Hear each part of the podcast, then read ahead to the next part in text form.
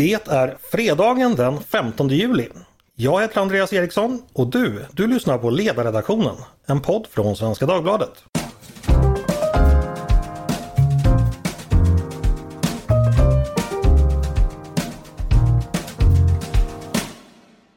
Varmt välkomna ska ni vara. Vi har snart hunnit halvvägs in i den ljuvliga månaden juli.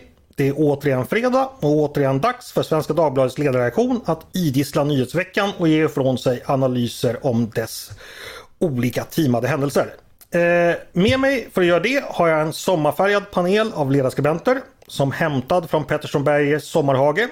Tre frösöblomster av ljuvaste snitt, nämligen Tove Livendal, Linnea Dubois och Karl Sigfred. Varmt välkomna alla tre! Tack så mycket! Tack, tack! tack. Och särskilt välkommen till dig Linnea som är debutant i podden. Eh, hur känns det? Det känns bra. Det känns väldigt, väldigt roligt att ni släpper in mig. Kan du bara kort för lyssnarna berätta lite vem du är och vad du gör? Absolut. Jag läser ju juridik i vanliga fall fortfarande eh, i Uppsala. Eh, jobbar på Timbro i vanliga fall men vickar ju nu på ledarsidan under sommaren. Utöver det kan man väl lägga till att jag är ordförande för Fria Norra Studentförbundet om det intresserar någon. Det intresserar säkert massor av våra lyssnare. Själv har jag aldrig begripit mig på sånt där men, men det är säkert intressant. Är eh, har, hur har sommarjobbet varit hittills? Underbart kul. Det är en härlig miljö att få jobba med alla dessa fröseblomster sa du va? Eh, mm, precis. Redan jättemycket fin läsarkontakt vilket jag tycker är superhärligt. Hoppas på lite mm. lyssnarkontakt också kanske. Vi får se, vi hoppas på det. Själv hoppas jag alltid på det men det är dåligt med den varan. Eh, nej, det är rätt. Tove, eh, du tar aldrig semester, verkar det som. Ja, så småningom, men eh, det finns för mycket att göra. Och dessutom så har ju de andra ordinarie gått på semester så då måste någon vara kvar. Mm. Och fortfarande är det ju många som har fel där ute i samhället som man måste ja, säga till. Ja, precis. Någon hade fel på internet idag också. Mm. Det är ett i, i, evigt slite där. Eh, men du har haft en bra vecka? Ja, men den har varit fantastisk. Det är ju så jag är ju i mitt hem på Gotland och det gör ju att det, det, det man, även om det är jobb så får man ändå lite semesterkänsla därför att man lever så nära naturens skiftningar och med ganska växlande väder som vi har också. Så att jag har det mm. väldigt fint. Det låter härligt. Karl, eh, hur har du det på din front? Lever du nära naturens växlingar? Ja, eh, jo men det, naturen finns ju överallt. Jag har haft ganska bra inomhusväder här tycker jag. Tittat ut över regnet som har smattrat mot balkongfönstret. Så det, det, har varit, eh, då är det mysigt att sitta inne och skriva. Man känner inte att man missar något. Ja, men vilket mys! Du får, får ge dig ut eh, på, på Hornsgatans ödestråk stråk, stråk någon natt sådär och eh, se ifall du träffar på någon sådär. Ja, ja precis. Det kan vara en spännande upptäcktsfärd. Vad trevligt hörni! Eh, ja, Carl, du, du var ju med debuterade i panelpodden eh, för den här sommaren förra veckan. Någonting du tar med dig därifrån? Alltså det var ju det här med frågesporten eh, och det är ju lite frustrerande ja. att man inte kan förbereda sig eh, för det. Men, men eh, Nej, ja, ja, ja. men det är ju lite som livet i allmänhet tänker jag. Alltså livet ställer frågor ibland och, och då står man där. Ja, jo, jo, precis. Med skägget i brevlådan. Exakt, så, att, så att det här, man får se det då som eh, någon, någon, slags eh, träning inför livets hårda skola då. Precis. Hörni, vi ska dra igång. Eh, det råder kanske lite sommarstiltje ute i politiken. Eh, helt stopp är det förstås inte. Även från torpet eller skäret kan svenska tyckare få Twitter att koka. Låt vara med lite mer unken bismak än, än vanligt men ändå. Eh, och ute i världen sker det förstås mycket också.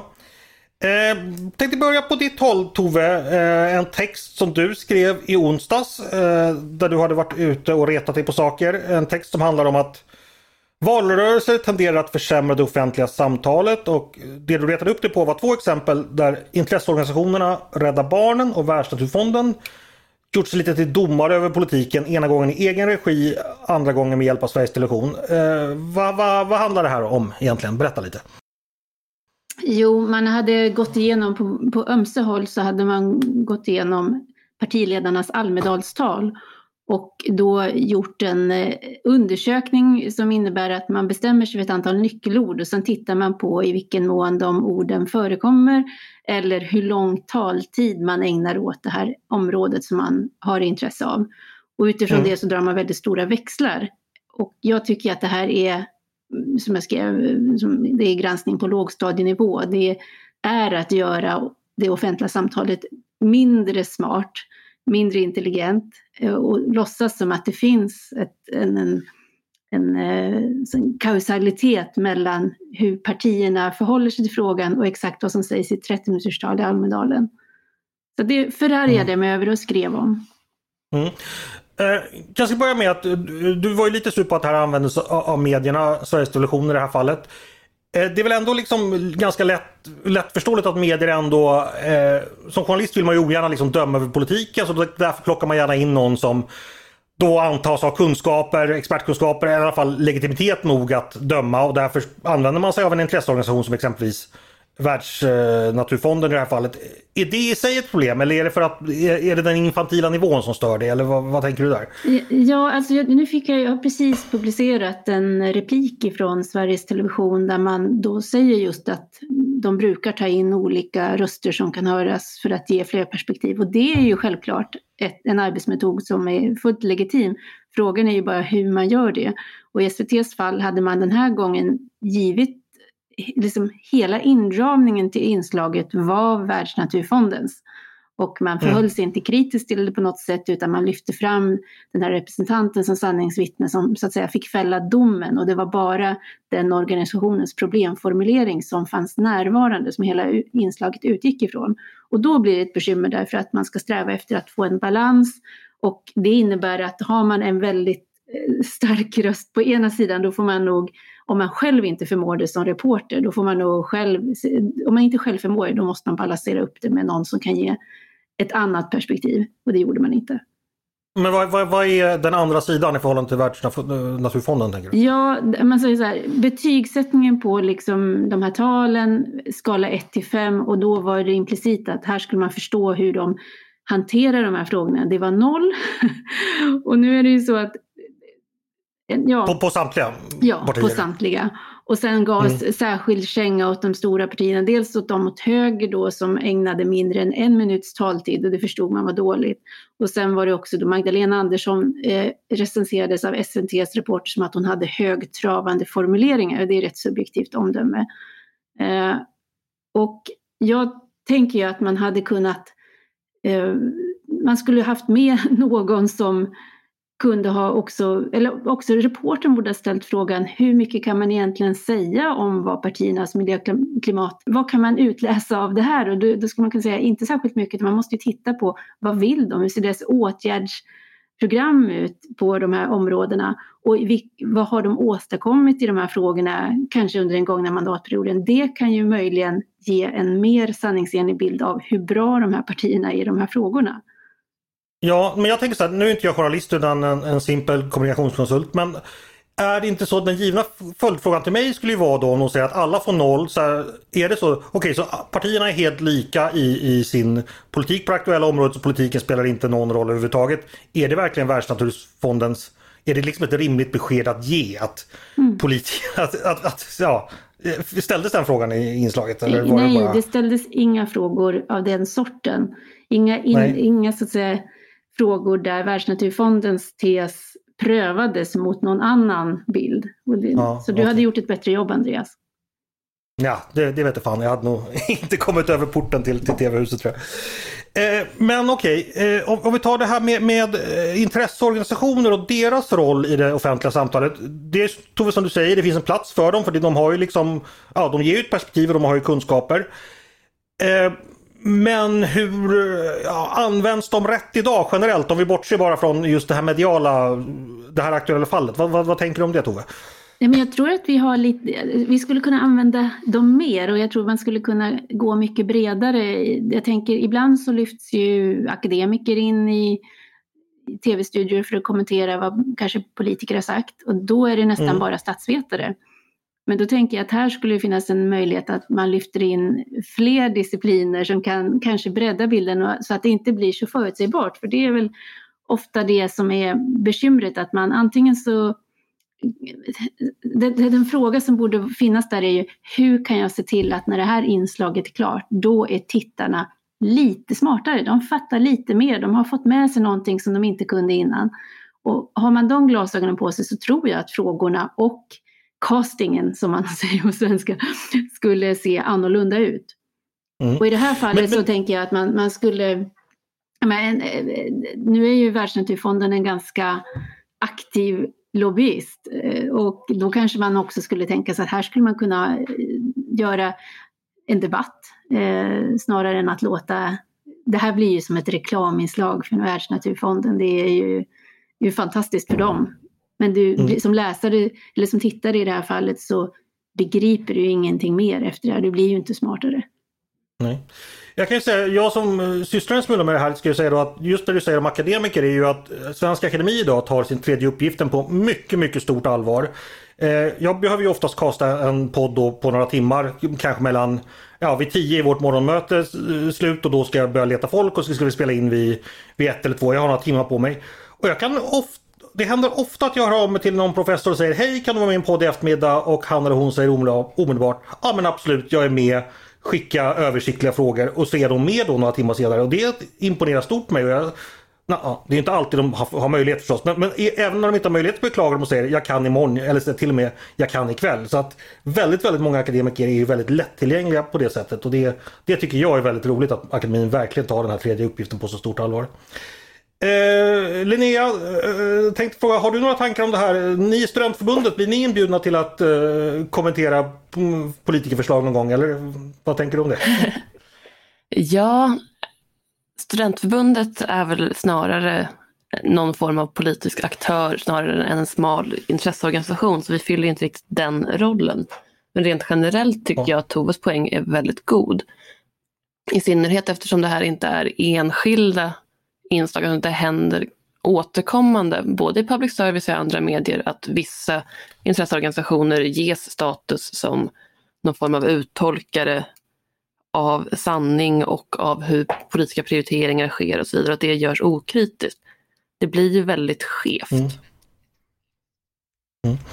Det är, jag brukar ibland för mig själv tänka på att intresse, eller den ideella sektorns järnhårda lag, att alla ideella organisationer förr eller senare blir vänster. Och detta beror på då att eh, det kommer alltid finnas de som eh, vill ha mer att politiken ska göra mer för saker och ting. Och då kommer de, eh, och det är ju ofta så, det är ju en vänsterperspektiv att man vill ha en politisk aktivism som går så att säga längre medan liksom det liberala perspektivet är att ja, vi kan kämpa för Exempelvis för att ja, men homosexuellas rättigheter ska, att det ska vara lika rättigheter och sen när man kommer dit så, så är man nöjd och tycker att samhället kan gå vidare. Men då inom exempelvis så kan en vänsterperson säga så här. Nej men vi måste gå längre. Vi ska inte bara ha lika rättigheter. Vi måste liksom söka en mer identitetspolitisk linje. Vi måste ha speciella rättigheter för att vi är historiskt förfördelade och så vidare. Och på det, då kommer ju jag så att säga alltid internt i organisationen torska mot den som vill gå vidare. För det är liksom ingen bra väg att gå, gå på liksom stämman och säga nej vi ska nog inte göra så mycket mer nu. Vi kan lägga ner nu, vi har nått våra mål.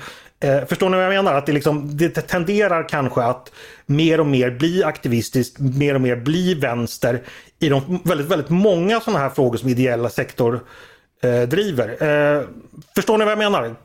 Karl, ja, jo, jo, men tänker du som jag? Eller? Ja, ja jo, men jag, jag tror att det kan ligga någonting i det och det hänger kanske ihop också med att många som har vänsteråsikter, de tycker inte själva att de har vänsteråsikter utan de tycker bara att de är anständiga och goda och det är ju självklart att det ska vara på det här sättet och då är det kanske så att man då känner man inte att man måste hålla tillbaka på samma sätt för att det är inte så att man driver en politisk agenda så som man ser det själv utan man, man driver bara på för att saker ska bli eh, bättre och mer toleranta och öppna och, och, så vidare. Alla, alla de mer mm. objektiva eh, begrepp man använder sig av. Och, och då kanske man... Man driver bara lite... barnperspektivet. Ja, ja, precis. Då kan man gå på lite hårdare och, och, eh, och gör man det så, så är det väl latent då att folk också viker sig. Mm. Men nu har jag skåpat ut ideell sektor väldigt orättvist här. Tove, du som själv har engagerat dig mycket i den, eh, är jag helt ute och cyklar? Nej, det är du inte. Jag tycker att jag delar den bilden till stor del. Att vi har ju vad man då lite elakt förkortar sig GONGOs istället för NGOs, att vi har Government Orientated Non-Government Organizations. Därför att väldigt många av dem har gjort sig så beroende av politiska beslut. Och det är ju också en effekt av att leva i ett högskattesamhälle där vi inte har större mått av filantropi och direkt finansiering från medborgarna till olika aktörer inom den ideella sektorn utan att vi går via skattevägen ibland. Och det, är ju, det gör ju ett bekymmer. Du, du får ju en mindre självständighet både de facto ekonomiskt men också i tanken. Den styrs ju av, av pengarna till stor del. Så det, det gör ju att du, blir, du får den här eh, regerings eller politiktillvända eh, sektorn. Och det var, ju en, eh, det var ju ett försök som gjordes med att man skulle ha en tankesmedja som skulle titta just på den ideella sektorn. Och det blir så talande när en stor slutsats av när de hade arbetat ett tag var att man ville ha mer politik, att man ville ha liksom, ja, men kanske särskild minister och man ville ha liksom en, en statligt finansierad institution för den ideella sektorn. Och för mig så är det, ja men det, det, går, det går inte ihop, det är ju som en motsättning i det. Eh. Vad skulle Hans Zetterberg ha sagt? ja, rotera några varv i sin grav kanske.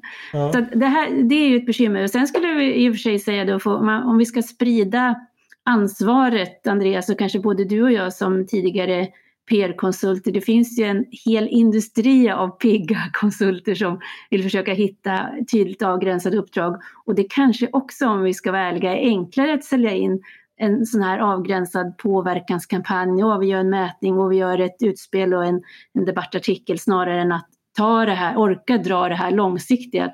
Som för Rädda Barnen då så tycker man då att nu lägger vi tid på att göra en sån här undersökning som ju säger, ja, inte mycket, som bara säger hej, vi finns, glöm oss inte, eh, men inte så mycket mer. Eh, det kanske liksom, det är enklare att ticka den boxen snarare än att fundera på om vi pratar om barns uppväxtvillkor och förebyggande åtgärder. Så det stora, stora arbetet, det görs ju inte i staten utan det görs ju i samhället. Men det är mycket svårare att ha det som mottagare för en kampanj. Mm. Så är det säkert. Eh, ja, finns det något mer att säga om det här Tove? Har du, har du fått ur dig ditt, ditt, ditt uppretade, din uppretade känslor? Ja, men sen tänker jag, det var ju två frågor som eh, i det här fallet, det var dels då det här med barns uppväxtvillkor och förebyggande arbete som Rädda Barnen tog upp. Men sen är det ju också, tycker jag, just specifikt kring det här med klimat och miljöfrågor som var det Världsnaturfonden slash SVT tittade på, att de frågorna där, där tror jag också att, det kanske är i likhet också med att, att vara för barnen, det är liksom ingen som kan vara mot barnen. Och på samma sätt så är det ju ingen som på något sätt är mot ett dåligt klimat eller mot miljön. Och problemet med de frågorna som inte är, eh, vad ska man säga, om man tänker sig jämföra det diskutera skattetryck, det är en annan typ av fråga. Eh, för där kan man vara, det är helt okej okay att vara mot höjda skatter, man blir liksom inte automatiskt ond utan man blir höger. Medan, mm. medan de här frågorna har en annan laddning där just god-ond perspektivet som Karl nämnde finns närvarande. Och det tror jag att gör att vi kanske riskerar att det smittar av sig lite grann det här om det finns en sån allmän, en allmän, eh, allmänt i samhället så ja men det är bra om man är för miljön liksom. Om det smittar av sig på journalistiken så riskerar man att få journalister som nöjer sig med utsagd intention snarare än konsekvens. Och, jag menar, tänk på vår kollega Peter Wemblads granskningar som har handlat om när klimatfrågan möter verkligheten, elektrifieringen möter verkligheten eller Tysklands energivände möter verkligheten. Eh, och i den verkligheten ingår även då ryska försök att skriva om säkerhetsordningen. Den sortens, att, att liksom, det blir snarare då att eh, Alltså då kanske det är lättare just att säga att ja men titta nu sa de det här ordet flest gånger och vad bra. Snarare än att titta på vad händer med här, genomförbarheten i det här förslaget. Mm. Men då är det också mer jobb och vi vet ju också att journalistiken ofta idag ofta är pressad tidsmässigt, finansiellt eh, ja, resursmässigt generellt. Alltså, det... Så är det, men det är också alltså, i takt med att vi har fått konkurrens ifrån alla möjliga håll, alternativa medier vad det kan vara, så måste vi bli ännu bättre på att försvara och det kan man ju inte göra genom att säga att alternativa medier eller andra aktörer gör fel, utan det är genom att bara göra tillräckligt bra journalistik som folk inte behöver känna sig som idiotförklarade genom att ta del av. Mm. Och det ska vi göra nu. Bra journalistik som inte idiotförklarar folk. För vi ska gå vidare. Och eh, jag tänkte vända mig till dig Linnea. Eh, du har gett dig in eh, i, när det gäller biståndsfrågan. I en text som publicerades i onsdags tror jag det var. Eh, rubriken sammanfattar texten rätt väl. Eh, slukhålen i biståndet som ingen vill se. Vad är det för slukhål som, som du har upptäckt? Ja, det är väl ett antal egentligen som man tillåter uppstå systematiskt vi kan väl säga det generellt att texten handlar om svårigheterna vi har och ointresset vi har av att följa upp hur väl biståndet fungerar. Det övergripande målet för svenskt bistånd är att skapa förutsättningar för bättre levnadsvillkor för människor som lever i fattigdom och förtryck, som myndigheterna brukar formulera det. Och länge har vi haft en målsättning om att vi att var, i varje årlig budget så avsätts 1 av BNP ungefär, vilket de senaste åren betyder ungefär 50-55 miljarder att jämföra med Polismyndighetens strax över 30 miljarder per år. Så det är mycket pengar som vi skickar ut i världen för att vi, vill hjälpa, vi som land vill hjälpa till att genom skattepengar göra världen till en bättre plats. Och det kan man ju tycka är hedervärt och fint och så vidare. Eh, det finns väl en parallell där till det Tove var inne på eh, tidigare om hur filantropin i det svenska samhället kommit att bli extremt dirigerad genom staten. Men i alla fall, det är väldigt mycket pengar och då kan man ju tänka sig att det hade varit rimligt att följa upp hur pengarna används, hur väl det fungerar, ehm, särskilt när vi skickar vidare till andra organ, exempelvis FN-organ. Hur använder de pengarna? Kommer de till nytta hos rätt typ av projekt, hos rätt typ av personer? Um, och just det händer inte. Jag kikade specifikt på det så kallade kärnstödet ehm, det är drygt 16 miljarder kronor per år som går till andra um, organisationer. Sida förvaltar ungefär hälften av det svenska biståndet. Mycket pytsas ut till multilaterala biståndsorganisationer, ofta inom FN, för att de sen ska hitta en mottagare. Anledningen till att man gör det är att Sida inte själva klarar av att hitta liksom, slutmottagare för så väldigt mycket pengar som 1% av BNP är. 1% av BNP blir också mm. mer varje år. Men vart de här pengarna tar vägen? Ja, precis. Det är, det, det, det är svårt att hitta, göra av med så mycket pengar på... Ja, men exakt. Och, och, och då skickar man ja. någon till någon annan som man tänker sig ska hitta en bättre mottagare. Men huruvida de här internationella organisationerna hittar en bättre mottagare, det vet inte Sida, det vet inte UD. De har fått kritik från Riksrevisionen för att de inte vet det. Så att vi häller ut pengar i världen utan att bry oss om vad de går till. Vad beror det på, tror du? Att vi inte ägnar mer tid åt uppföljning? Är det för att svaret skulle kanske bli alltför nedslående? Dels är det väl svårt. Eh, det är mycket pengar, många projekt och det är komplexa internationella strukturer och sådär. Men mycket handlar om att vi inte vill se och ofta blir svaret nedslående. Och rent generellt skulle jag säga att det, jag saknar en kritisk diskussion kring hur vi använder biståndet och hur det är utformat och hur väl det fungerar. Det är lite av en, en helig ko kan jag uppfatta. Det här, vi har en procent och det ska ut i världen. Um, och just själva givandet blir någonstans ett, eh, ett okränkbart gott. Det är fortfarande... Men det är lite, om jag förstår det rätt, det är lite avlads, avladsbrevstanken här att vi skänker bort pengar, skitsamma lite vad de går till, men vi gör det för att vi ska det helt enkelt. Liksom. Det är verkligen exakt det det är. Vi har så mycket pengar, vi är en så rik del av världen, så då kan vi dela med oss till andra. Det kan man tycka är ja, men, lovvärt, men ska vi göra det på den här på statlig nivå och i den här storleksordningen så är det ja, men, oansvarigt att att använda det på det sättet. Så vi betalar och därför är vi goda skulle vi betala mindre eller följa upp pengarna mer Eh, så är det ondska. Det blir ett dum debatt. Yes. Ja, jag ska säga att Sverige är ju då internationellt sett, en väldigt stor, eh, ja vilket antyds av resonemangen här. Vi är alltså, när, i relativa termer så är vi den tredje största tror jag i världen efter Luxemburg och Norge. Så att, och, och även i absoluta termer blir det naturligtvis väldigt mycket pengar. Eh, jag tänker att den här diskussionen om biståndet eh, har vi väl haft länge, Linnea. Eh, men ändå så händer det inte så jättemycket i frågan. Vad beror det på? Återigen känsligt, ska jag säga. Eh, sen kan man lägga till att det har vuxit upp en, ja men i det närmaste en biståndsindustri kring mycket av allt det här. Det är många organisationer, många som lever av biståndet, eh, men som mellanhänder på de här myndigheterna. Det är ideella organisationer som har blivit gongos kan man väl säga och även om de all, allra flesta menar väl, så blir det ett trögrörligt system där väldigt många har intressen av att det fortsätter se ut som det har gjort och man, man ser det man har närmast för ögonen. Tove, delar du den analysen? Ja, helt och hållet. Och jag tror att det är jätteviktigt det där med det som Linnea är inne på, att se att det kan, det kan finnas egenintressen även om saken är god. Man vill hjälpa mm, sämre bemedlade att eh, få bättre liv och det är ju ingen som är emot det.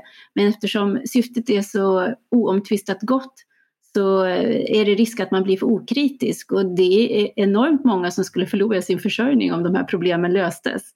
Eh, och, och, det, är ju, det finns ju då, då är det ju, det finns ju många, en av de mest uthålliga eh, debattörerna och granskarna är ju Fredrik Segerfeldt som har tittat mm, på forskningen. Vad säger biståndsforskningen? Och den pekar liksom på att uthållig ekonomisk tillväxt, det är liksom nödvändigt om man vill liksom få, få bukt med fattigdom. Och trots upprepade försök så har man inte kunnat fastslå att bistånd leder till den tillväxten. Eh, man har också kunnat se att det, det, viktigaste på lång sikt är att man får fungerande institutioner i länder. Så att det skulle man ju då kunna tänka sig eh, skulle styr, kunna styra bistånd med att man blev mer villkorande till att få institutioner att fungera. Det skulle kanske kunna göra mer skillnad.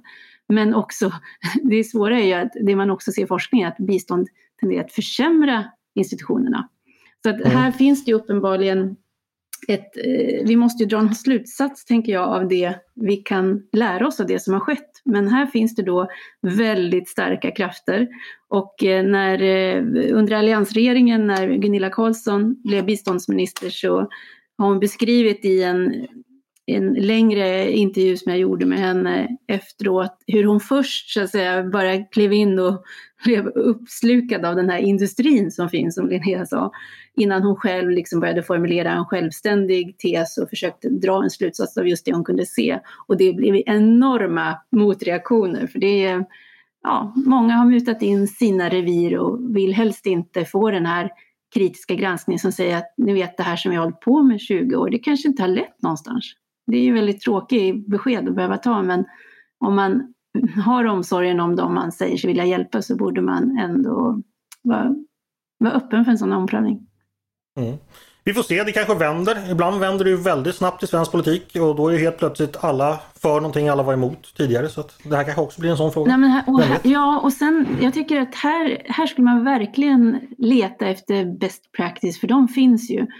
Men de finns ju inte inom det statliga biståndet, de finns liksom bland det som jag nämnde med privata filantroper.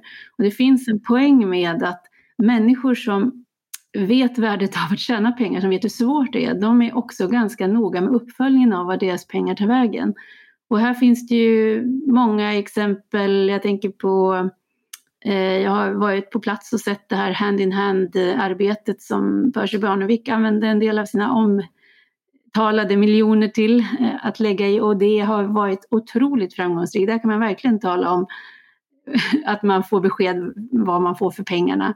Jag tycker också att det är rätt talande att Sveriges första riskkapitalist, eh, Mikael Ahlström, var den som också grundade organisationen Charity Rating som uttalat är till för att just se in, liksom försöka bedöma vilken nytta välgörenhetspengar gör. Därför att eh, förstår man värdet av pengar så förstår man också vad de kan göra för nytta och vilken waste det är när man inte använder dem fullt ut. Mm.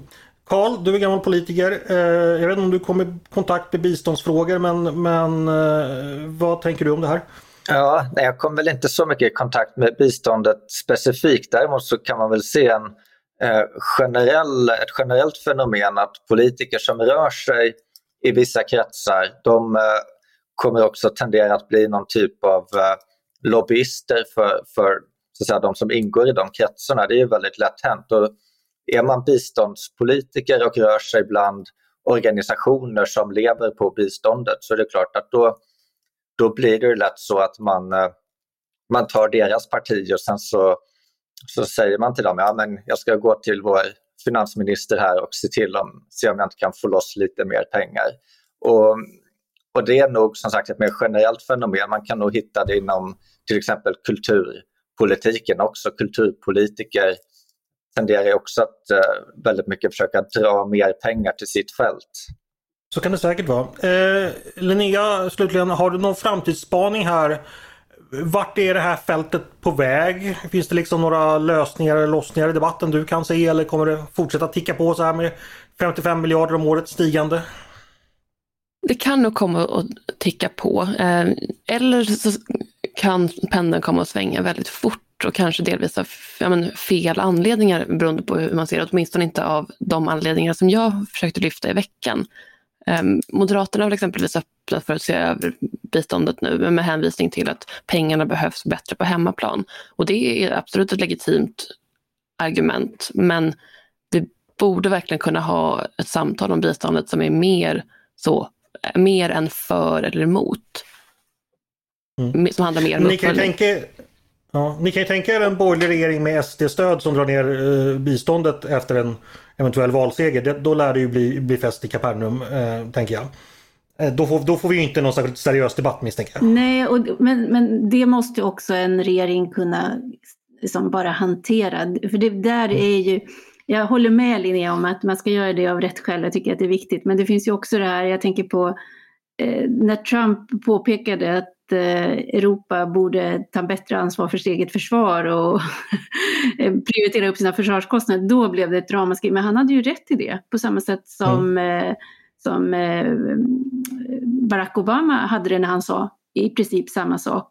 Men då blir det som att vi blir så himla vi blir, det blir mer viktigt vem som säger det än innehållet i det. Så, att, det, så det mm. är rätt att se över biståndet alldeles oavsett hur regeringsunderlaget ser ut. Det är rätt att se över public service för att få ett slimmare och, och, och vassare och mindre public service alldeles oavsett vad som händer i Ungern. Och det måste en borgerlig regering klara av och stå fast vid. Mm. Eller som jag säger i mina kretsar, en idé kan faktiskt vara bra även fast det är en icke-folkpartist som kommit med den. Det är djärv tanke, Andreas. Ja, det händer dock inte så ofta, men det, det, det kan hända. Hörni, vi ska gå vidare. Eh, får se hur det går med biståndet. Eh, tänkte vidare till dig, Karl. Eh, I veckan har du skrivit en text som handlar om privata sjukvårdsförsäkringar. Eh, nämligen så att socialministern, Lena Hallengren, hon har tagit emot en utredning som då enligt regeringen syftar till att, och nu citerar jag, säkerställa att patienter med privat sjukvårdsförsäkring inte får snabbare tillgång till vård eller bättre vård i den offentligt finansierade hälso, hälso och sjukvården framför patienter utan försäkring. Eh, ja, den här utredningen kom måndags. Utredare var Sofia, Sofie Nyström. Karl, vad, vad, vad handlar det här om egentligen? Ja, alltså det här handlar ju om att det är eh, allt fler som har privat sjukförsäkring i, i Sverige och det har ökat ganska mycket de senaste eh, decennierna. Det är ju framförallt så är det företag som då Eh, teckna sjukvårdsförsäkringar därför att man för sin personal, därför att de konstaterar då att eh, det är bättre att betala en försäkring än att eh, en sjukskriven person ska sitta i, i vårdkö under lång tid. Ehm, och det finns ju även då många enskilda som tecknar sin egen försäkring, bland annat då genom fackförbund som brukar ha kollektiva erbjudanden till sina medlemmar. Ehm, och då så försöker då Socialdemokraterna driva en linje då, eller snarare de försöker ge en bild av verkligheten som, som går ut på att de som har de här försäkringarna, de får gå före i kön.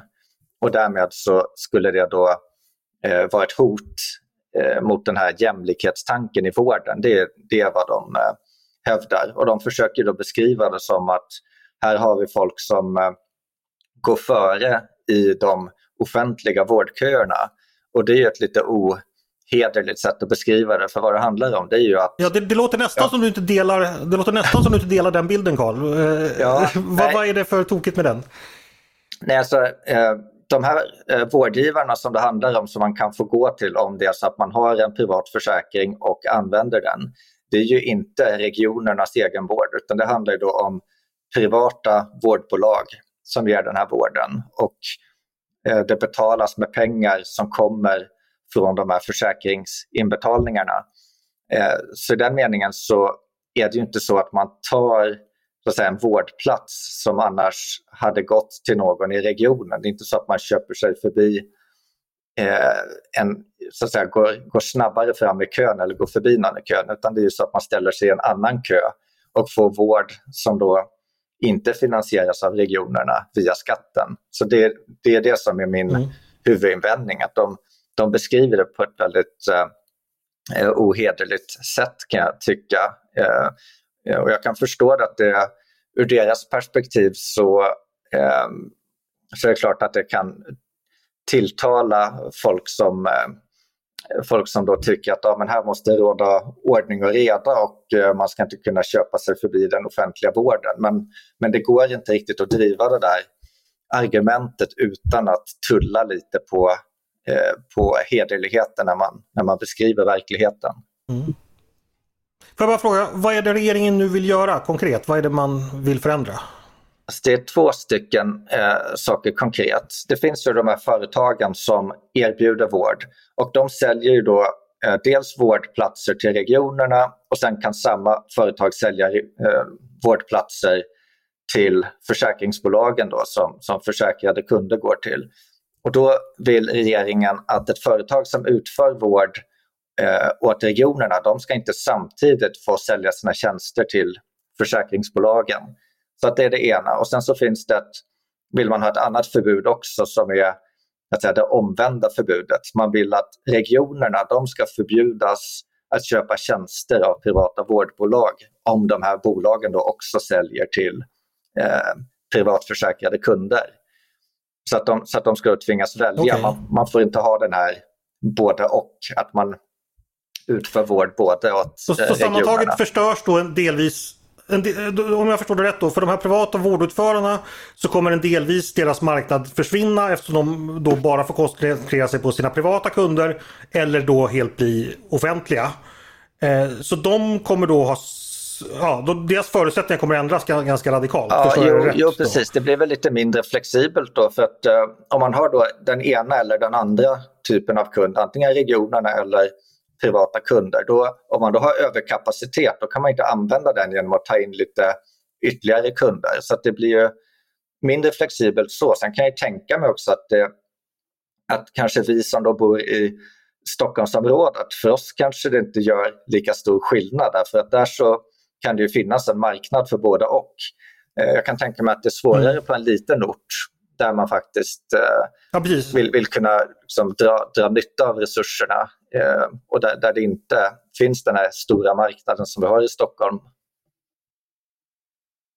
Så risken är helt enkelt då att eh, visserligen då så, så, kan det bli lite jämlikare så tillvida att alla får det jobbigare men, men eh, totalt sett så riskerar helt enkelt att vård försvinna. Eller en, en, del av den privat finansierade vården kommer inte finnas vilket då innebär ett ökat tryck på den offentliga vården. Ja, jo, precis. Det ja, Svenskt Näringsliv de har gjort bedömningen att det är då mer än 3 miljarder varje år som går till vården genom de här försäkringarna. Och om man då tänker sig att all den här vården skulle utföras ändå eh, och att då de som står i den offentliga vårdkön skulle få vård snabbare det, det, skulle ju kräva då att de som jobbar i vården, de skulle då göra lika mycket för mindre pengar. Det, det är svårt att se hur den, eh, att, att eh, det skulle kunna funka på det sättet.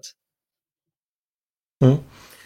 Eh, jag ska hoppa över till Tove för att ytterst verkar den här frågan ändå handla om ganska klassiska motsättningar i politiken. Det handlar om det här med, med jämlikhet där liksom man från vissa håll kan tycka att ja, men jämlikhet är ett överordnat ideal som man nästan är beredd att nu skulle ju en vänsterperson protestera men liksom det är bättre ett land där alla är lika fattiga än ett land där de... Ja, ni, vet, ni, ni vet den ideologiska diskussionen. Eh, låter det inte så det Tove att det är lite i de markerna vi hamnat här? Jo, ett, ett när, eh, närtida exempel är det, det är bättre att alla jämlikt eh, får covid än att några kan hålla sig hemma och jobba hemifrån som det lät i början av pandemihanteringen. Ja, ja precis, exakt. Ja. Eh, och det är ju en reell politisk motsättning tänker jag. Den finns, ju, finns ju där och har ju Absolut. gamla anor. Och, det är, men det, och den, är ju, den är, sitter jättestarkt i Sverige och eh, det finns ett politiskt kapital som eh, framförallt Socialdemokraterna använder men som borgerliga också då och då försöker använda. Och det är ju en, det, det, det är det som är så tråkigt att vi å ena sidan eh, har sån här men vi kan ta på oss broscher där det står vi gillar olika och vi pratar om verkligen att alla ska få vara sin egen och sådär. Men gud nåde den som försöker göra på lite olika sätt eller att vi försöker acceptera att det finns olika. Och det som Karl påpekar här det är ju att de här som då eh, betalar vård privat och även använder den, de på ett sätt kan man ju säga att de indirekt tillför eh, resurser i den offentliga. Därför att de, de tar ju bort sitt eget behov ifrån den offentliga vården vilket gör att köer och annat kanske kan arbetas undan snabbare för de som har den. Så det är ju, det är den här, men då är det viktigare att ingen ska minsann kunna eh, och sen här finns det ju då tycker jag också, näm vi nämnde ju Hans L. Zetterberg tidigare. Och eh, han påpekade där att i sitt teoriarbete att den mest urgamla legitimiteten för den politiska sfären gentemot medborgarna, det är ju att, an, eh, så att löf, lova att man kan göra, bringa ordning i samhället. Och det, här med, det är därför vi har det här inflaterade språkbruket om ordning och reda i tid och otid. Och där finns det ju en risk då att man inte bara tänker att ordning och reda det är att hålla rätt på systemen så att man stävjar fusk och missbruk, utan man förväxlar lätt det med det här liksom paternalistiska, att vi ska minsann kontrollera invånarna och de, de, de ska stå liksom eh, vi ska se till att ingen gör någonting som någon annan inte kan göra. Och det är därför det blir såna här bisarra grejer som jag skrev någon gång om när man hade, jag besökte ett HVB-hem i Visby och så hade de satt ett hänglås på bastun i källarplan och jag undrade om det hade varit ja, otillbörliga aktiviteter eller varför man hade gjort det. Mm, mm. Och där var det... Tankarna löper ju lätt iväg. ja, det gör ju det. Ett gäng tonårsgrabbar mm. liksom och en bastu. Ja. Nej, mm. men så var det inte alls, utan det är den svenska likställighetsprincipen som säger att om det inte finns bastu på alla HVB-hem i Visby, då får inte en ha öppet, för då blir det orättvist. Mm. Men Tove, dock vill jag här invända, det finns ju också en annan tanke där och det har att göra med den solidariska finansieringen av välfärden som man inte vill att medborgarna ska opta ut. För att då kommer ju folk riskera att mer säga vad fan får jag för pengarna när jag ändå betalar privat för min sjukvård och kanske för min skola och sådär. Mm. Och då, det skulle ju vara ett grundskott mot hela det socialdemokratiska välfärdsbygget så som det har sett det, ut. Det är ju redan eroderat och, där, och där borde ju borgerligheten kliva fram och återigen som gjordes på 90-talet ta en fight för den selektiva välfärdspolitiken och inte den generella. Och säga att mm. ska vi få solidaritet då måste vi kunna känna att ja, från var och en efter förmåga till var och en efter behov. Inte från var och en så mycket vi kan klämma ut av folk till liksom så jämnt utsmittat så att vi, vi ger barnbidrag till liksom höginkomsttagare. Det är och i synnerhet när vi har skaffat oss också mycket större försörjningsåtagande i och med bland annat en stor migration, då funkar inte det här på ett vettigt sätt. Mm. Och då, då tappar systemet i legitimitet i alla fall och då kan eh, ja, Sverigedemokraterna vinna stort på att peka på, men titta här nu så mycket de här får utan att ha gjort rätt för sig och de har inte varit med från början. Och det går verkligen att skapa en massa vi och dem och erodera solidaritetskänslan. Så det, här, det här tycker jag att Säg bara, men fantastiskt om, om det är så att privata aktörer också vill gå in och satsa på den här marknaden därför att människor optar ut i alla fall. Vi har en mm. välfärds och en sjukvårdsturism eh, idag till andra länder därför att människor hittar andra sätt att, att ta sig förbi köer och, och känsla att man inte får det man vill ha. Så systemet är redan som en stor schweizerost och därför borde det bättre att nu ska jag ja, för att fortsätta matmetaforen, det är bättre liksom att, jag tänkte prata om en fondue här, men nu känner jag att metaforen får egna liv, ett eget liv och springer mm. iväg. Men att vi borde tänka om i, i grunden.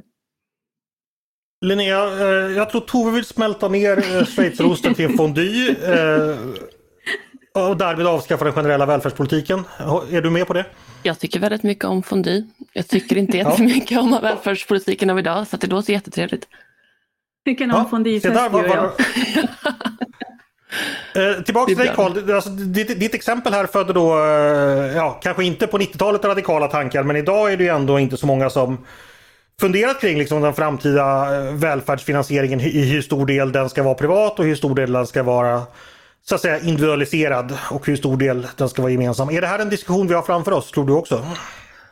Eh, jo, men det, det, tror jag och det beror ju på att eh, hela anledningen till att de här privata försäkringarna eh, att, att de kom till, det var ju att köerna var långa och eh, eh kvaliteten var väl eh, kanske bra i svensk sjukvård men det var svårt att komma åt den. Så, att, så att det, var ju, det var ju inte så att, eh, att vi hade en fantastisk eh, välfungerande sjukvård och sen så kom det den här privata, eh, de här privata pengarna in och slog sönder den, utan det var ju precis tvärtom. Det började med att, att eh, sjukvårdssystemet eh, inte fungerade och därför så kände sig folk tvingade att finansiera det på det här sättet. Och, och menar, det, det som skulle kunna ske i värsta fall, det är ju om man, om man eh, bestämmer sig för att den här typen av privat finansiering ska inte finnas, ja då blir det ju bara verkligen några få som kan åka utomlands och få sin vård. Den, den möjligheten kommer alltid finnas.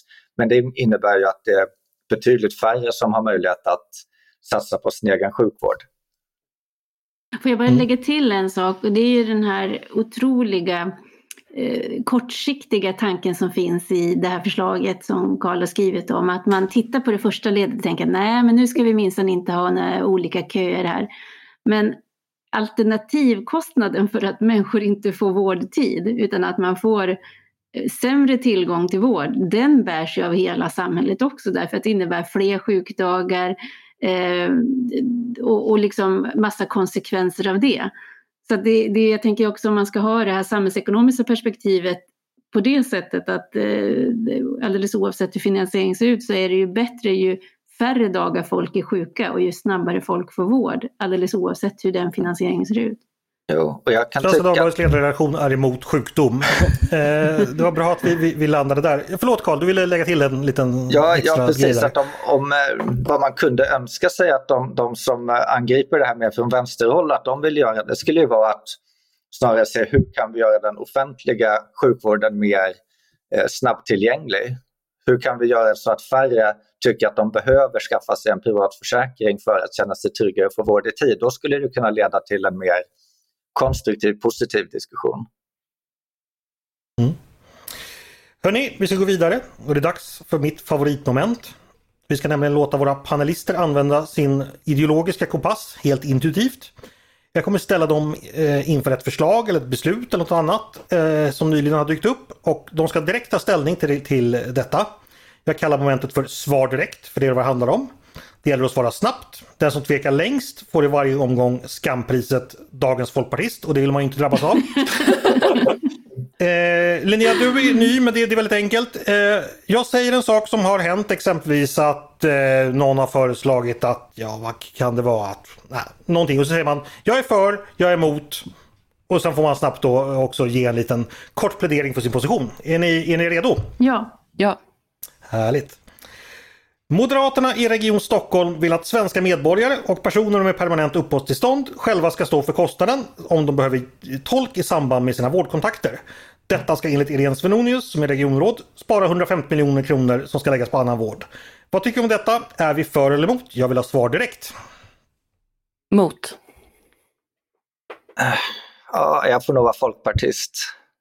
Jag, jag, mm. Den är svår. Tove? Ja, jag tycker också att den är svår. Så, Ni hade hört förslaget allihopa kanske? De, de, sa du att det var mer permanent uppehållstillstånd? Ja, och svenska medborgare. För då antas man då kunna så god svenska att behöver man tolk får man betala för det själv. Okej, okay, men har man haft det här språktestet som Moderaterna väl är för, ett folkpartistiskt förslag för övrigt, då är ju den frågan löst, tänker jag. Ja, fast språkprovet gäller ju medborgarskap. Ja, men du, jaha, var det och? Ja, ja, okej. Okay. Ja, men okej, det var lite... Linnea, var, varför, varför är du emot? Därför att eh, förutsatt att vi ska ha en i någon mån offentligt finansierad vård, vi befinner oss inom den ramen, så är det här ett liksom, dumt sätt att spara pengar, tror jag. Eh, att mm. Eh, om vi jobbar med liksom, realiteten, att vi kommer att ha personer som är medborgare, som har permanent uppehållstillstånd, vars svenska är knackig eller som kanske har blivit dementa och därför är mer bekväma med ett modersmål trots att svenskan en gång varit fungerande och sådär. Att tvinga dem till antingen finansiera eller om de inte kan finansiera att vi har en knackig vårdkontakt. Då kommer det kosta mer för vården. Då kommer vårdkontakten att ta längre tid. Det, det är inhumant och dumsnålt. Okej. Okay. Är det någon som mot Linnea där? Som vill an Nej, jag, tycker anmäla? Jag tycker att Linnea argumenterar klokt. Så jag, jag känner mig nog övertygad. Och sen tänker jag också just den här det finns väl en, det finns olika etiker här som kanske står emot varandra. Jag tänker läkaretiken, att verkligen kunna ja, rädda liv och göra sig förstådd trumfar nog. Liksom. Så att ja, jag tycker Linnea argumenterat mm. klokt. Ja. Och Carl, du också? Ja, jo, jag tycker nog också det. Alltså, om, om det är så att, uh, mm. att uh, vårdpersonal är en knapp resurs så kanske vi inte vill att de ska lägga mer tid på att, uh, så att säga, försöka göra sig förstådd och att förstå folk när man kanske ja. kunde lösa det. Mm. Sen är det en annan diskussion i vilken mån, jag, menar, jag tänker att specialister som vi kanske har för vissa grejer inte talar begriplig svenska, man tar i den ledden, är liksom en sak. Men för sen har vi ju den här diskussionen också i vilken mån vårdpersonal ska kunna tala Ja, men den diskussionen tar vi inte nu. Vi skickar ett klart budskap till Irene Svenonius i landstingshuset att Svenska Dagbladets ledarredaktion gör tummen ner. Eh, vi går vidare. Vi går allt mer mot ett samhälle där kontanter spelar mindre roll. Idag är det vanligt att se skyltar om att endast kortbetalning är okej på affärer och andra näringsställen. Det oroar sig organisationen Kontantupproret för. Eh, de vill efter dansk förebild ha en lag som tvingar handeln att ta emot kontanter. Vad tycker vi om en sådan lag? Skulle den, är vi för eller emot den? Jag vill ha svar direkt. Jag är, jag är emot. Det är jag emot. Jag är emot. Ja. Eh, vem vill ha äran att komma med en kort och kärnfull plädering för varför man inte ska tvinga affärer att ta emot kontanter?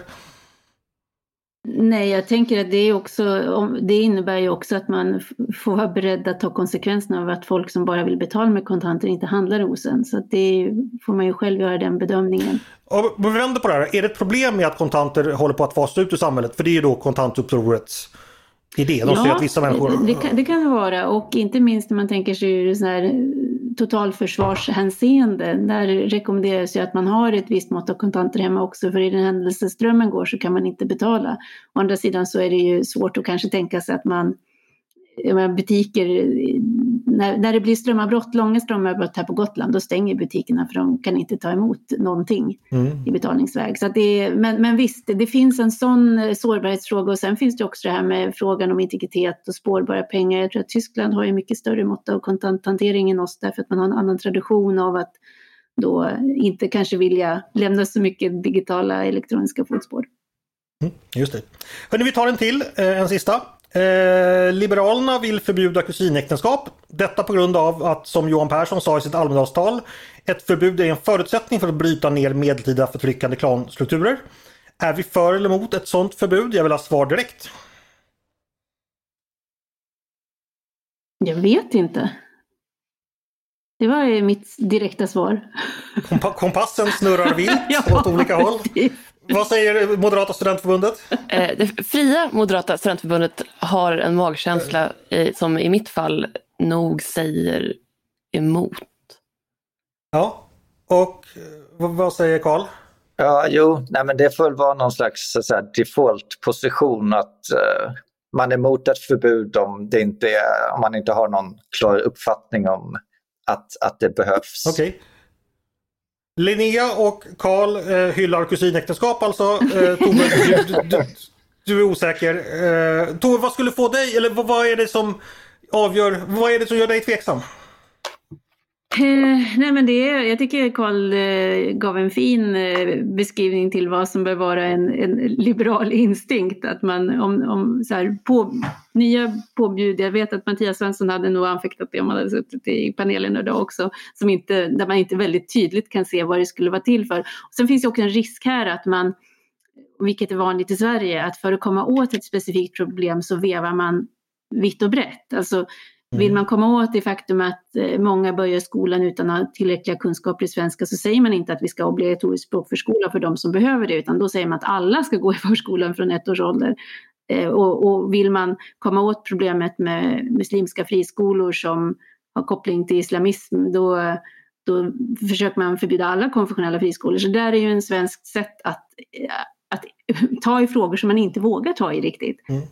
Men alltså om man liksom följer Hanif Bali på Twitter exempelvis så har man ju fått eh, massor med argument för, för, för varför eh, ett förbud vore bra. Eh, och, och, det handlar ju mycket om, han, ja, ni kan gå in och titta själv, men han talar ju om att det, det är ju en hel samhällsinstitution det här med att man gifter sig väldigt nära i släkten. För att släkterna då hålls ihop närmare. Han har så exempel på Syd och Norditalien exempelvis. Hur olika mönster, vilka också skapar olika samhällen.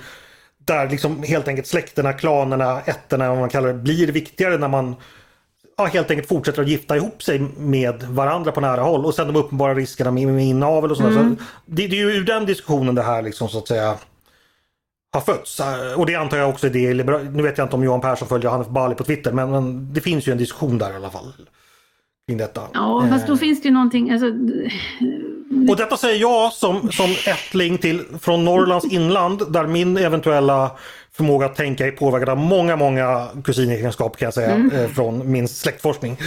Jo, och då tänker jag, nu, nu provpratar jag som Stina Oskarsson skulle ha kallat det, att då har vi, ja det här med liksom degenerering och så då med att liksom man får för mycket inavel som du säger, alltså ett rasbiologiskt argument då, då skulle vara bärande. Eh, det rena som känns sådär, jag tror inte att, eh, ja, då kan man tänka, alltså som i analogi med det här med butiker som inte tar emot kontanter, att eh, om man verkligen vill förorsaka sin egen släkt liksom en, en risk för degenerering så kanske det ska vara eh, ja, fritt val. Sen tänker jag, ja, jag vet inte. Nu blir jag, jag blir mer och mer skeptisk ju mer jag tänker på det. Jag måste kanske läsa Hanif mm. Balis Twitter. Lite trivia kunskap här är faktiskt att i tv-serien Simpsons så är anledningen att det finns, eh, det utspelar sig i Springfield och så ligger eh, grannstaden i Shelbyville. Och Shelbyville skapades då av just över ett tvist om kusinäktenskap på 1800-talet. Då alla som var för kusinäktenskap flyttade från Springfield och hamnade i Shelbyville. Ja, rent trivia men, men, men så är det. Ja, Okej, okay. eh, tummen ner Johan Persson och Hanif Bali från ledarredaktionen. Vi får se om vi återkommer eh, med eventuella kusinäktenskap i framtiden. Nu är det dags för nästa moment. Eh, det är också mitt favoritmoment faktiskt. Eh, för det handlar eh, om det vi kallar Är du smartare än en ledarskribent? Och idén är då att jag utifrån samtida händelser ställer några enkla triviga frågor kring politik. Och panelen svarar lika enkelt och elegant. Ni som lyssnar kan därmed också vara med och konstatera huruvida ni är smartare än en ledarskribent eller inte. Eh, ja, är alla med på detta? Linnea, du som är ny, det, det, ja, det är ett quiz helt enkelt, väldigt enkelt. Det är jättebra. Toppen. Då kör vi. Eh, veckans ämne det är förstås sommar och närmare bestämt sommarledighet. Eh, många, det är ju semestertider som man kanske firar på ett landställe om man har tur att ha tillgång till ett sånt. En som har en sådan tur är den amerikanska presidenten. Just det, jag ska säga till Linnea. Kan man svaret så säger man sitt namn och då slutar jag läsa frågan. Och då får man svara. Svarar man fel får man minuspoäng. Eh, en som har sån tur så att ha ett landställe det är den amerikanska presidenten som har ett officiellt fritidsboende. Det ligger i Maryland och är bland annat känt för ett avtal mellan Egypten och Israel som slöts här 1978. Vad heter den amerikanska presidentens officiella landställe? Carl. Ja, eh, höra. Camp David. Ja, mycket bra. Snyggt! Kunde ni andra det? Om ni hade fått fundera lite? Ja, efter att ha fått fundera lite. Ja. Camp David-avtalet då, det var eh, mellan ja, Israel och Egypten och slöt fred helt enkelt. Hörrni, eh, även den svenska statsministern har representationsbostad som används för fritidsbruk som bekant. Eh, Harpsund heter den. Eh, med sin berömda eka. Men varför heter egentligen den typen av båt just eka? Var den ursprungligen gjord av träslaget ek? Ja, det får du faktiskt rätt för. Eh, ursprungligen så härstammar den från båtar som helt enkelt var en urgräpt trästock som ofta var just ekar. Så att, eh, eller öka som det heter i vissa delar av landet. Så en poäng till Tove. Där. Ja. Så, så det är inte så att när man knackar på den så ekar det. Det är inte det som är grejen. Vem vet, du kanske ska byta från statistik till, till, till eh, vad, vad heter det? läran ja. om ortsnamn då. Ja.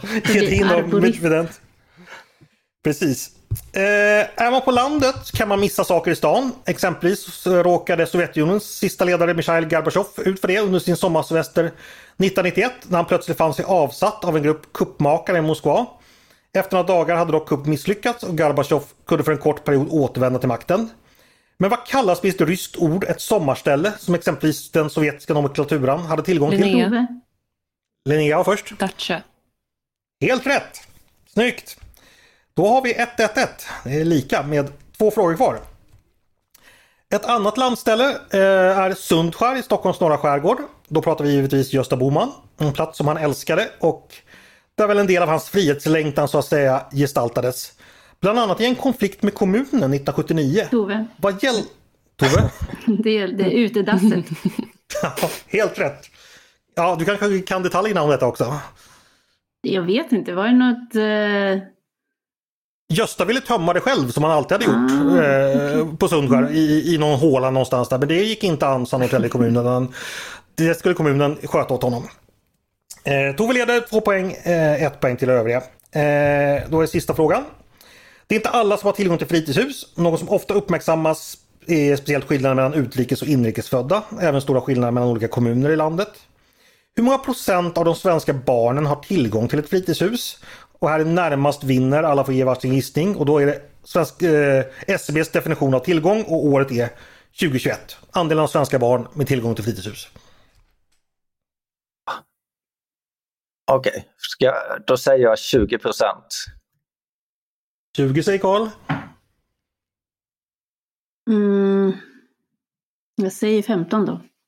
15. Linnea slutligen. Ja men 30 då. Nästan rätt, 35 procent är det. Så Linnea hade, hade rätt där. Oh. Snyggt, då blev det delad seger i debuten Linnea, hur känns det? Det känns skönt. Jag var nervös innan för att komma här som nykomling och eh, visa mig ovärdig eh, sällskapet. Men det här, det här känns ja. bra för min inre folkpartist. Vad skönt. Den, ska du, den inre folkpartisten ska du nära för hen kan hjälpa dig en dag. eh, jag är ständigt livrädd att Tove plötsligt ska säga nej, nej nu ska vi inte alls göra det här momentet utan nu ska du hålla käften Andreas och vi ska ställa frågor till dig och så sitter jag där med skammen. Men det har inte hänt hittills. Jag fick en idé nu. Hörni, eh, sista innan vi avslutar tänkte jag bara ska sluta med det här lilla roliga som vi alltid brukar göra. Eh, då jag ställer en helt spontan rundfråga eh, och ni svarar lika spontant på den. På söndag är det apostladagen eh, som då alltid infaller 13 veckor efter påsk. Då ska vi minnas och fira apostlarna. Från början var det Petrus och Paulus. Numera är det lärjungskap generellt enligt Svenska kyrkan. När det gäller lärjungar så har vi väl alla varit det. Kanske har vi haft, eh, haft egna lärjungar också. Men till vilken nu aktiv svensk politiker skulle ni vilja vara lärjunge? Och varför? Tove, du får börja. Mm, nu måste jag avslöja att den här rundfrågan var ju faktiskt, vi hade ju fått den i förväg. Och då sa du faktiskt att man fick välja mellan levande och historiska, så jag tog en död. Jaha, nu, nu avslöjar du en väldigt viktig del i, i, i poddens inre värld. Jag känner ärlighet och transparens är viktigt gentemot ja, lyssnarna. Det, det har du helt rätt i. Eh, ja, precis. Kör en, kör en död då. Är, är det Gösta? Nej, det är inte Gösta utan det är Kerstin den första. Som jag valde, mm. för jag mm. har ju faktiskt varit lärjunge till Gösta Boman i det att jag har skrivit om honom och läst och försökt följa det jag tycker har varit värt att följa. Men jag, jag tycker det här var det gav en möjlighet. Jag skulle vilja göra en sån här tidsresa och gå jämte Kerstin Hesselgren eh, ett tag. Hon var ju född 102 år före mig i Hofors eh, från Gästrikland och sen så blev hon den första kvinnan i riksdagens första kammare.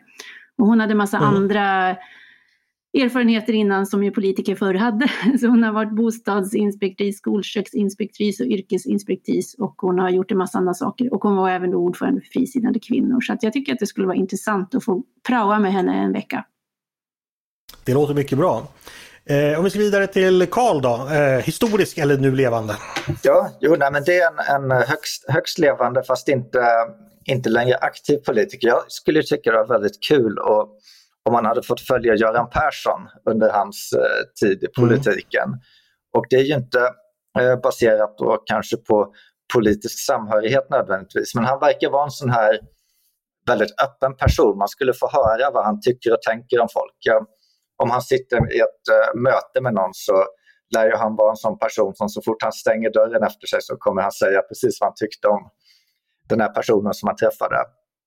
Och um, Erik Fichtelius gjorde ju också en, uh, en dokumentär där han följde Persson där villkoret var att uh, det här fick inte släppas förrän efter Perssons tid som statsminister. Och, och det var ju också väldigt öppenhjärtigt.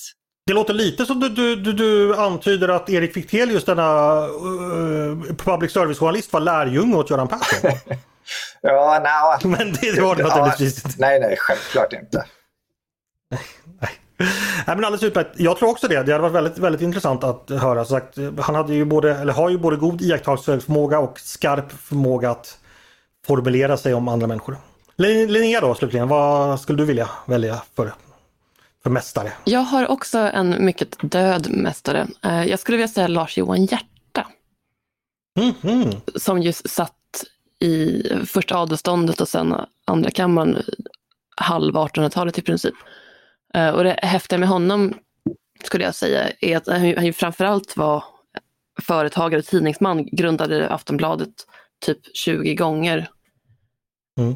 i strid mot kungen. Och just den ställningen som aktiv intellektuell som kunde hoppa mellan olika delar av samhället men ändå i hö- högsta grad med integritet engagera sig i det ser vi inte riktigt idag av olika anledningar. Men jag tror att det hade varit lärorikt att följa en så energisk, karismatisk tänkare i det politiska livet. Det tror jag också. Eh, ja, alltså eh, Karl, du har ju fortfarande chansen att bli en lärjunge i och med att du har en levande mästare. Så du kanske ska bege dig iväg till, till Sörmland Ja, just det. och söka... Eh, Ja, till, till torpet. Ja, vem vet? Ja, precis. Ni andra har ju då tyvärr försuttit era chanser i och med att ni valde döda. Men vad trevligt hörni. Det får väl ta och avrunda eh, dagens panelsamtal. Jag tyckte vi hann med mycket. Eh, eller är det någon som vill tillägga någonting extra? Jag är ju lite nyfiken på vem du skulle vilja, vars, vems gärning du skulle vilja lära av. Jag skulle självklart då välja min, eh, en släkting faktiskt, min farfars farfars far, nämligen eh, Nils Larsson i Tullus, eh, bondeståndets siste talman och senare talman också i andra kammaren. Eh, en liberal frisinnad eh, person från, från Tullus i Jämtland som eh, engagerade sig i en lång rad olika frågor, bland annat frihet för, för Polen och för Norge, för frihandelsfrågan och ja, väldigt aktiv i det norrländska näringslivet också. Det har varit väldigt intressant att möta en släkting som då ligger visserligen fem generationer mellan oss, men om vad vi skulle tycka och tänka om olika, eh, olika tider och vad jag eventuellt skulle kunna bidra och kanske till och med kunna hjälpa honom med, med ett och annat. Förklara, förklara TikTok och Twitter. Stackars Nils Larsson, det skulle han inte vilja veta någonting om. Det finns en utmärkt biografi om honom för övrigt som är skriven av en eh, centerpartistisk ledarskribent som jag tyvärr har glömt namnet på men den heter Frihetshjälten från Tullus. Den rekommenderar jag att läsa. Stort tack för att ni ville vara med och prata i podden idag. Tack själv. Ja, tack så mycket. Tack så jättemycket. Och tack till er som har lyssnat också på Ledarredaktionen, en podd från Svenska Dagbladet. Ni är varmt välkomna att höra av er till redaktionen med tankar och synpunkter på det vi precis diskuterat. Eller om ni har förslag på saker vi ska ta upp i framtiden. Då bara mejla till ledarsidan snabel svd.se.